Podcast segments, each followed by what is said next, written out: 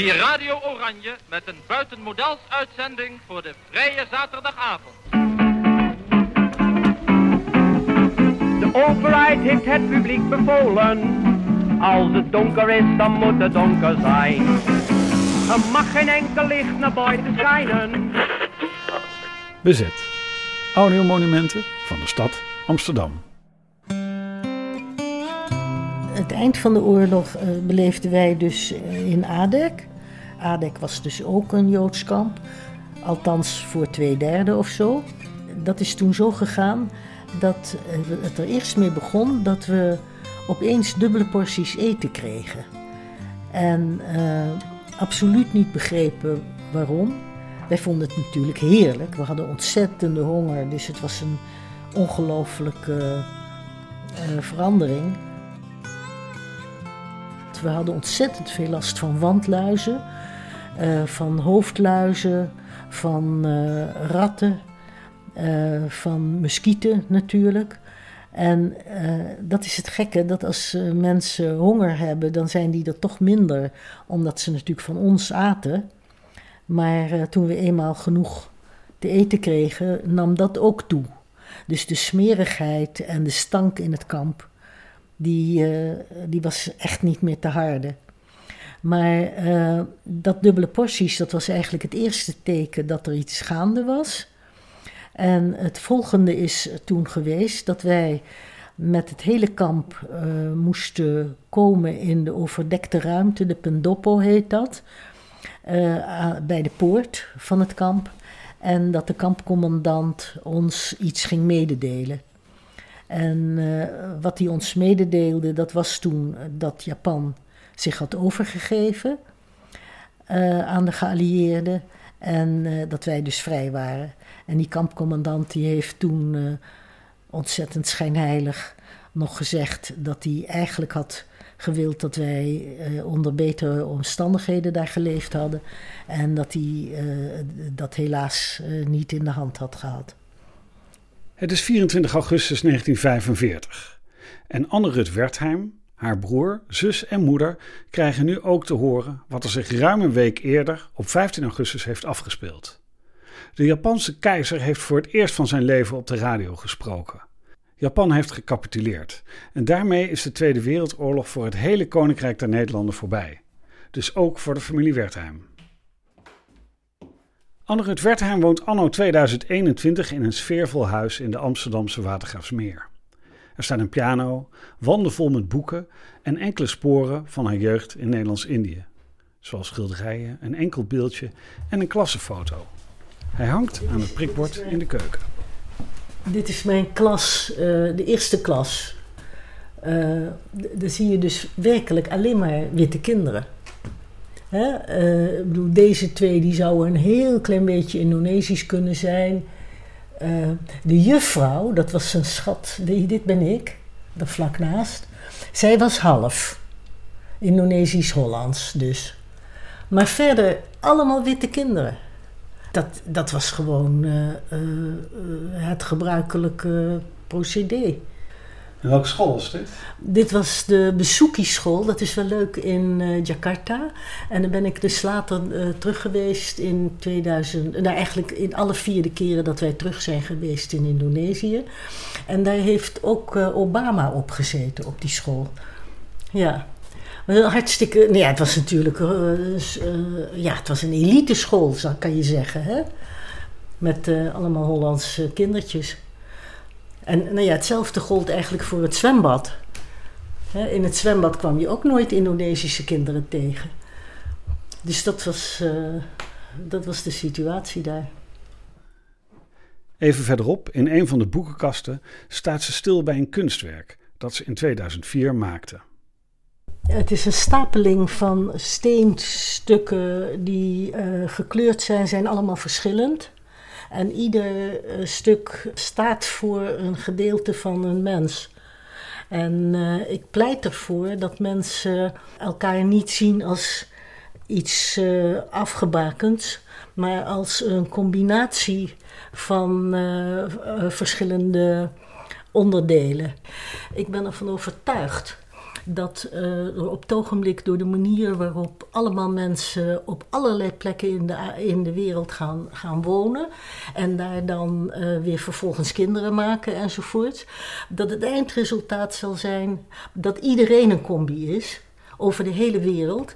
En als dat zo is, dan kan er geen racisme meer zijn in mijn verbeelding. Want je kan geen grenzen meer trekken tussen de ene groep mensen en de andere. Dus je kan ook niet meer zeggen die groep deugt niet, want het is altijd zo dat er uh, vermengingen zijn en, en combinaties. En nou ja, goed, dat is natuurlijk in Indonesië met, met ontzettend veel mensen die zijn kwart, half, drie kwart, soms één achtste, drie achtste, weet ik wat allemaal.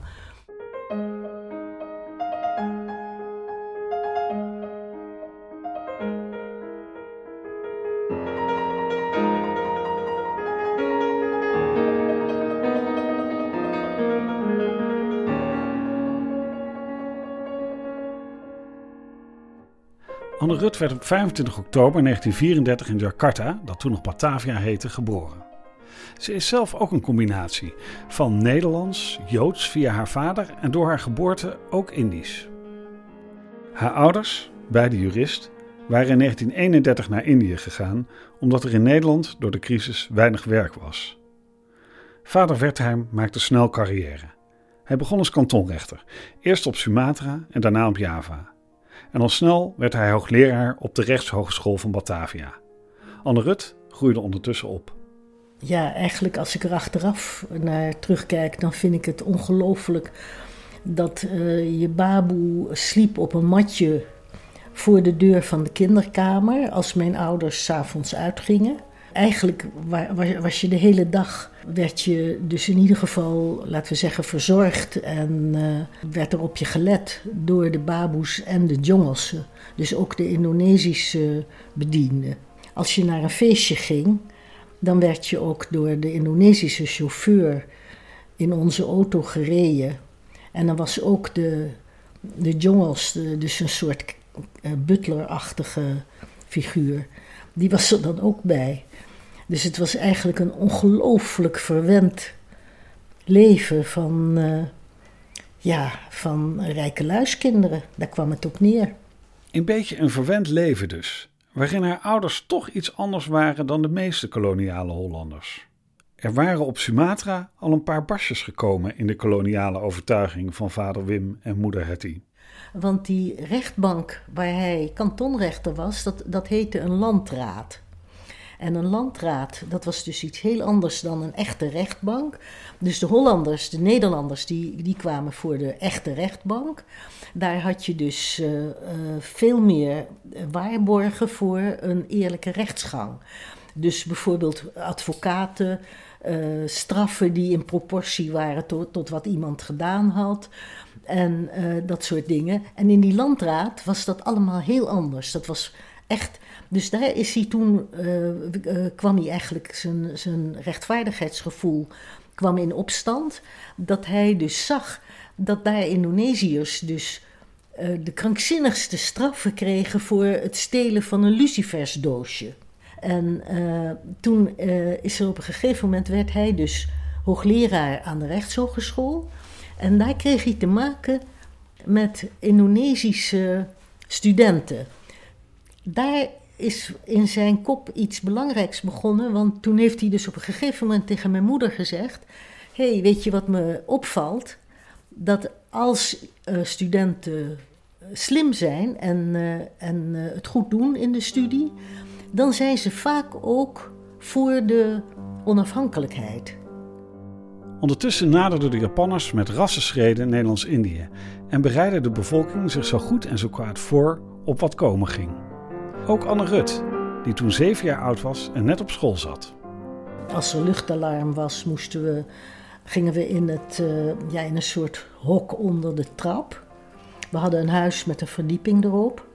Maar het is natuurlijk volkomen krankzinnig. Uh, als er een bom opgevallen was, dan waren we er natuurlijk allemaal geweest. Maar goed, uh, dat gebeurde de hele tijd luchtalarm. Daar was altijd een punt nog dat we hadden een hondje en een katje dat, dat die dan ook uh, gevangen moesten worden en mee in dat hok onder die trap. Ehm, dat hadden we natuurlijk allemaal meegemaakt. Maar we hadden natuurlijk ook meegemaakt dat we op school kregen we dus een rugzakje waarmee we dan hadden moeten vluchten. En daarvan herinner ik me vooral dat daar een gummetje in zat. En dat ons dus geleerd werd dat je dat gummetje tussen je tanden moest doen als er uh, bommen zouden vallen. Want anders zou door de klap zou je dus je tanden op elkaar kleppen. En dan zouden ze kapot kunnen gaan. Maar we, we wisten dus precies wat er aan de hand was. He, de, mijn ouders legden ons gewoon ook uit. Dat, we worden nu bezet door Japan. Maar ook, ook vrienden, de buren, de kennissen, iedereen wist het gewoon. Wat er aan de hand was. De moeder van Anne Rut ging werken bij de censuur. Waar alle post die het land binnenkwam, werd gecontroleerd op Duitse en Japanse sentimenten. Anne Rut werd met broer en zus uit voorzorg naar een theeplantage buiten de stad in de bergen gebracht. Daar werden ze opgevangen door een planter en zijn gezin. Uh, het uitzoeken van die plantage, daarin heeft bij mijn vader en moeder een belangrijke rol gespeeld dat uh, de planter die daar uh, de scepter zwaaide, dat was iemand waarvan bekend was dat hij goed was voor zijn personeel.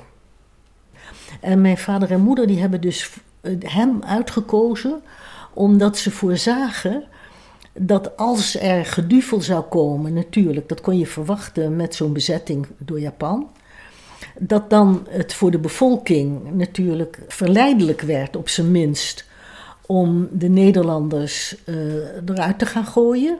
Wat natuurlijk uiteindelijk ook na de oorlog gebeurd is. Maar hij voorzag dus al toen, hè, dus voor de uh, bezetting, dat het nodig was om zijn kinderen, ons, onder te brengen in een plantage met een planter die goed lag bij de bevolking. Maar ik heb die uh, drie maanden zijn we daar op die theeplantage geweest. Dat heb ik helemaal niet als uh, echt naar uh, ervaren. Omdat het natuurlijk lekker buiten was. En het was er niet zo warm als in de stad. je kon er buiten spelen. En nou ja, ik vond het eigenlijk wel een interessante periode.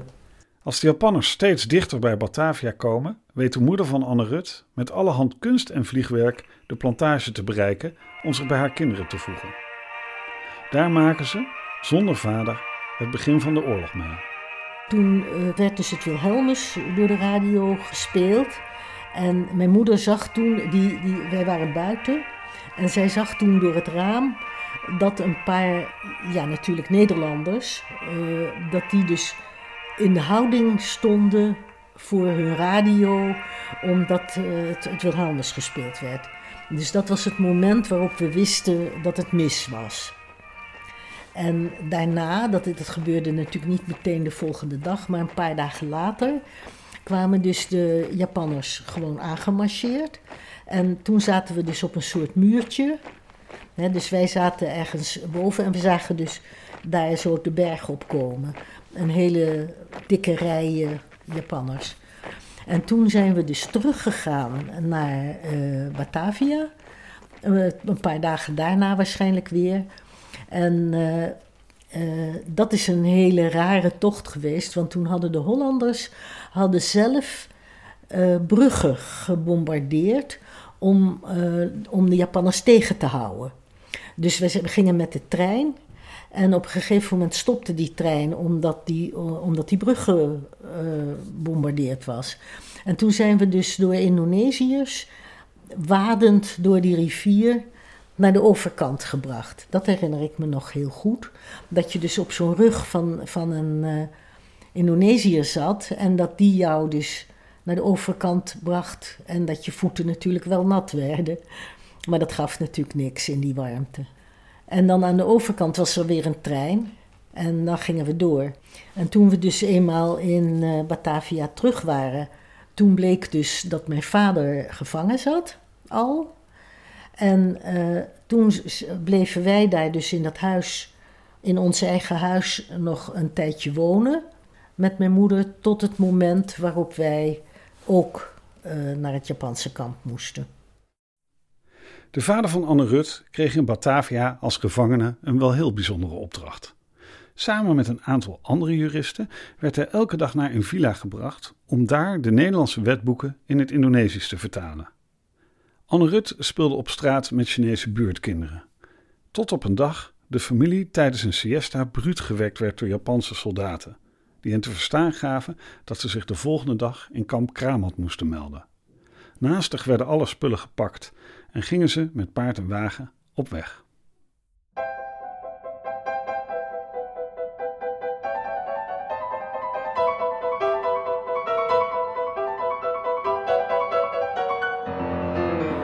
Dus op die wagen werden dus matrassen gelegd en uh, koffers en uh, allerlei spullen. Ik weet nog dat ik van mijn poppen uh, er eentje moest achterlaten, wat ik verschrikkelijk vond. maar daar staat tegenover dat we bijvoorbeeld wel weer het viooltje van mijn zusje meenamen en zelfs de cello van mijn, van mijn broer. Maar natuurlijk niet de piano waar ik op speelde. Toen we dus wegreden, weet ik nog dat die Chinees, half Chinese kindertjes, dat die ons allemaal uitwuifden. En hoe voelde dat voor u als kind? Was het ook spannend of was het... Uh, ja, dat is natuurlijk ook spannend. Dat is altijd het rare, dat je... Uh, ja, god... Uh, ik vond het wel erg om die kinderen kwijt te zijn, hoor. Natuurlijk. en dat, dat je dus je vriendjes en vriendinnetjes kwijtraakte dat herhaalde zich dus al door. En dat is toch wel, denk ik, iets wat, uh, uh, wat een heleboel kinderen die oorlogen en vluchttoestanden meemaken. Dat je eigenlijk al door vriendschappen sluit. Maar dat het al heel gauw uh, wordt je weer gedwongen om dat achter te laten. Kamp Kramat was een van de vele kampen in de archipel waar Nederlanders in gestopt werden. Al deze kampen hadden allemaal een zeer verschillend karakter. Sommige lagen op het platteland, maar Kramat was een wijk van Jakarta, die nu afgesloten was met een dubbele omheining van gevlochten bamboe en prikkeldraad. Op iedere hoek stond een wachttoren, met daarin een bewapende Japanner.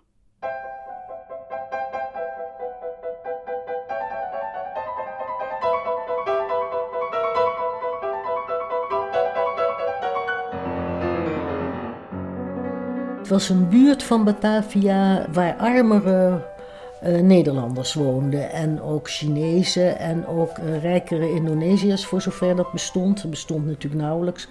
Ook, ook nogal wat mensen die half Indonesisch, half Nederlands waren. Maar dat waren dus kleinere huisjes dan de huizen in de wijk waar wij woonden. Maar het waren wel uh, huizen van steen. Terwijl in de kampongs waren de huizen van uh, gevlochten bamboe. Dat had ik natuurlijk wel eens gezien als wij met mijn ouders onze bedienden gingen opzoeken in de kampong. Daar liepen de kinderen ook op blote voeten. Uh, dat was een hele andere situatie. Maar dit waren dus wel stenen huizen. Maar in die huizen woonde je verschrikkelijk opgepropt. Dus uh, in iedere kamer woonde op zijn minst één gezin en soms twee. Wij woonden dus in een kamer met twee gezinnen. Dus mijn moeder, uh, mijn zusje, mijn broertje en ik. En nog een gezin.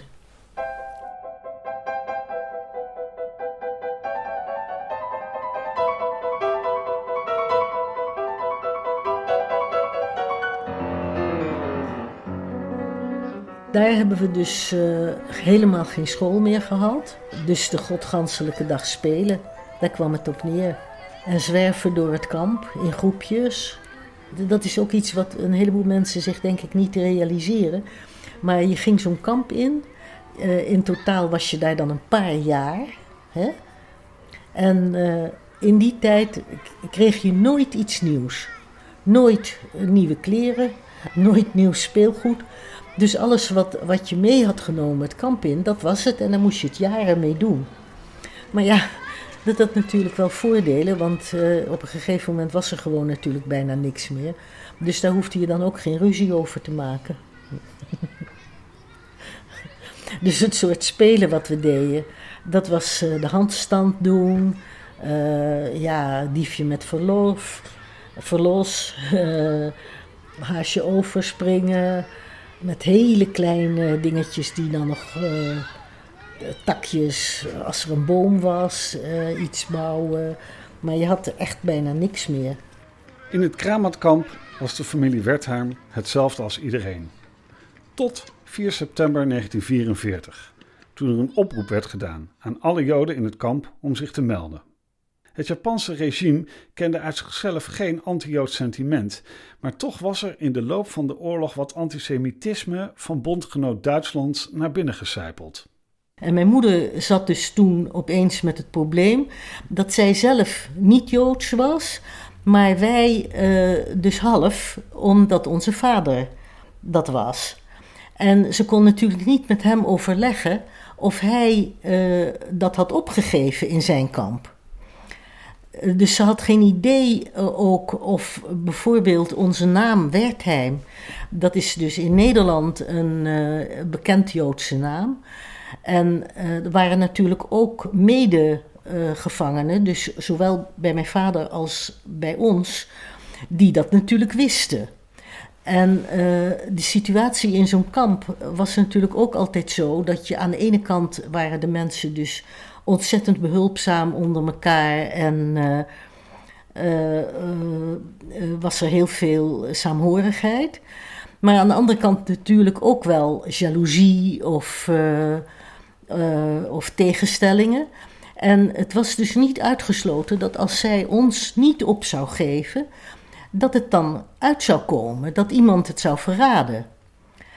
Um, en verder uh, was het dus zo dat zij ook niet wist of ze dat van die ene druppel bloed, of dat nou letterlijk bedoeld werd.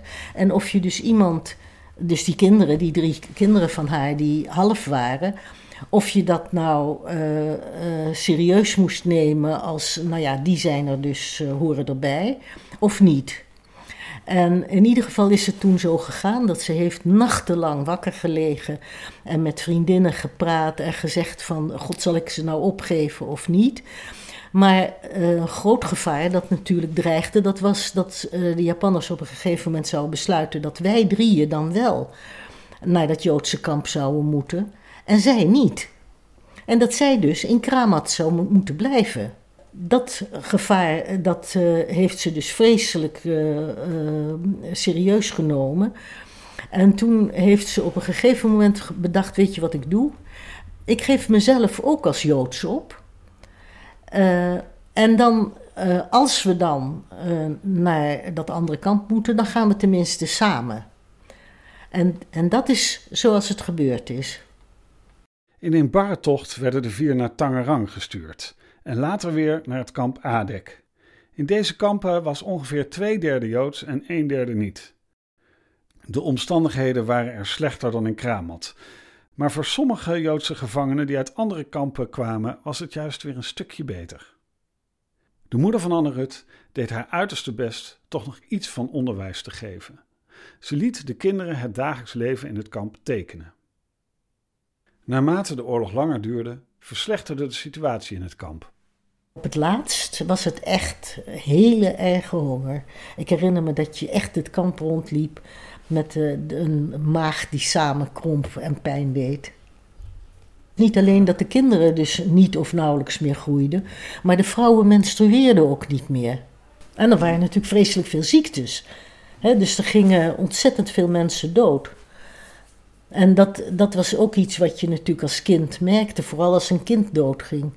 He, als er eentje, eh, iemand doodging, dan werd er een soort, ja, dat heet een bedoek. Dan werd er dus op een boomstam die hol gemaakt is, werd er dus geslagen. En uh, nou ja, dan wist je dus dat er weer iemand dood was. En dan, in de loop van 1945, groeien ineens de porties voedsel en krijgen moeder, dochters en zoon van de kampcommandant te horen dat Japan gecapituleerd heeft.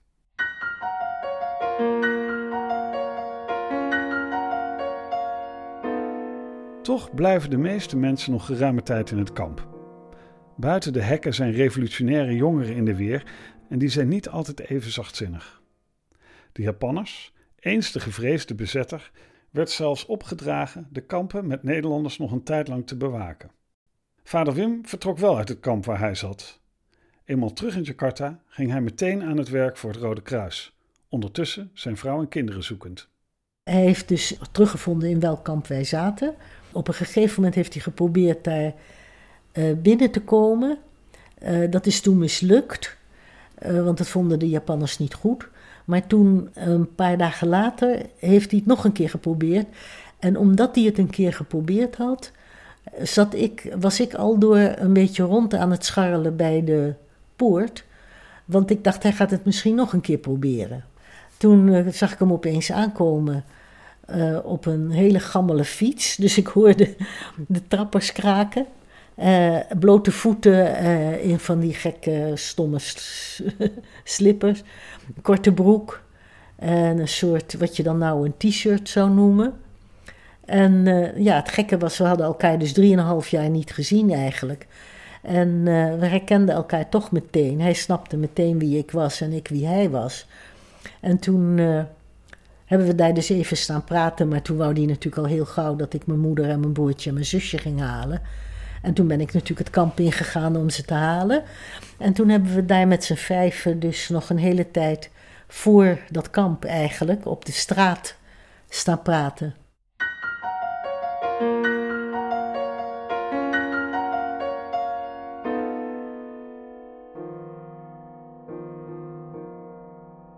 De Tweede Wereldoorlog mocht dan op 15 augustus formeel voorbij zijn. In Indonesië zou de rust allesbehalve weerkeren. Een voorbode daarvan had Hetty Wertheim in het kamp al meegemaakt. Iedereen weet natuurlijk dat op 15 augustus eh, Japan capituleerde. Op 17 augustus hebben de Indonesiërs hun uh, onafhankelijkheid verklaard. Op 24 augustus kregen wij dus pas te horen dat de oorlog voorbij was. Die 17e had mijn moeder gehoord dat er hele rare geluiden het kamp in kwamen. Uit luidspreek, wat ze toen loudspeakers noemden. En een soort feestgedruis. En toen was ze naar de omheining van het kamp gegaan. Ze heeft heel erg geprobeerd te luisteren wat voor geluiden er uit die loudspeakers kwamen. En dat was wel Indonesisch natuurlijk, maar uh, ze heeft het niet kunnen verstaan.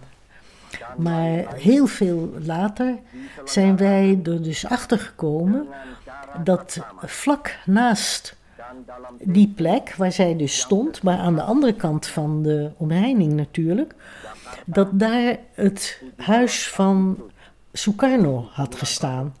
Voor dat huis heeft hij de onafhankelijkheid verklaard op 17 augustus. En die geluiden die mijn moeder dus gehoord heeft en die ze in haar dagboek opgeschreven heeft. Van, uh, god, ik hoor zulke gekke, gekke geluiden gehoord. Ze had tegen de andere vrouwen in het kamp natuurlijk gezegd van... Uh, wat ik nou gehoord heb, zeg, uh, wat, wat zou dat geweest kunnen zijn? En toen hadden die andere mensen gezegd, nou, dat, dat zullen feesten of weet ik wat geweest zijn, maar niks bijzonders. Maar in ieder geval niet heeft ze natuurlijk aan de mogelijkheid gedacht dat dat het moment was waarop Sukarno en Hatta naast zich, andere Indonesiër, dat die dus de onafhankelijkheid verklaarden. Hetty Wertheim was dus zonder het te weten getuige geweest van de geboorte van de Republiek Indonesië. Nederland zag niets in een onafhankelijk Indonesië en zou pas na een koloniale oorlog van vier jaar de wens van het grootste deel van de bevolking daar respecteren. Door hun kampervaringen raakte het echtpaar Wertheim zelf steeds meer overtuigd van het belang van zelfbestuur voor de Indonesiërs. Terug in Amsterdam werd vader Wim hoogleraar niet-westerse sociologie aan de UvA. Hij viel daar vooral op door zijn stevige kritiek op het Nederlands kolonialisme. Voor Anne Rut tekende deze geschiedenis haar leven.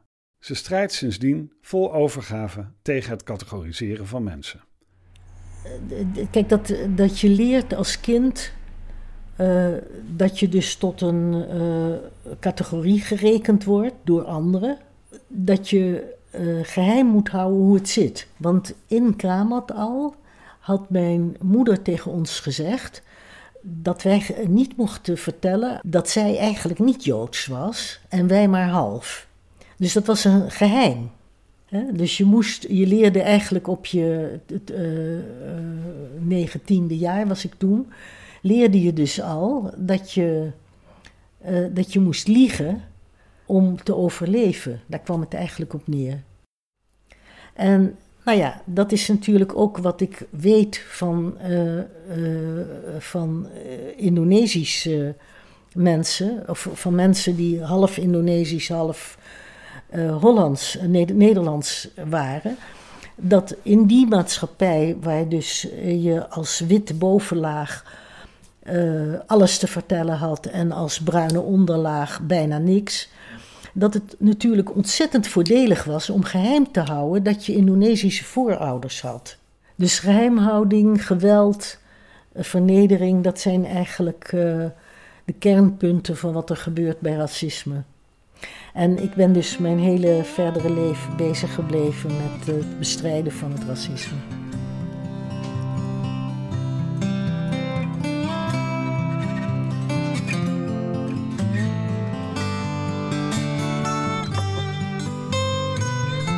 Je luisterde naar Apart Gezet in Indië, een podcast gemaakt door Pieter Bas van Wiegen in opdracht van het Amsterdams 4 en 5 mei comité in samenwerking met het Indisch Herinneringscentrum. De muziek in deze podcast was van Ernst Jans en van de componist Constant van der Wal. Die laatste is een Nederlands-Indische componist en zijn werk werd uitgevoerd door Henk Mak van Dijk, die zich uitgebreid verdiepte in de Nederlands-Indische klassieke muziek. Ik zou zeggen, zoek hem maar eens op.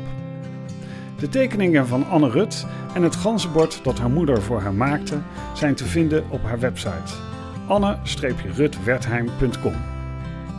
Deze podcast maakt deel uit van de serie Bezet, audiomonumenten van de stad Amsterdam en is gemaakt ter gelegenheid van de herdenking van het einde van de Tweede Wereldoorlog in Nederlands-Indië of Indonesië.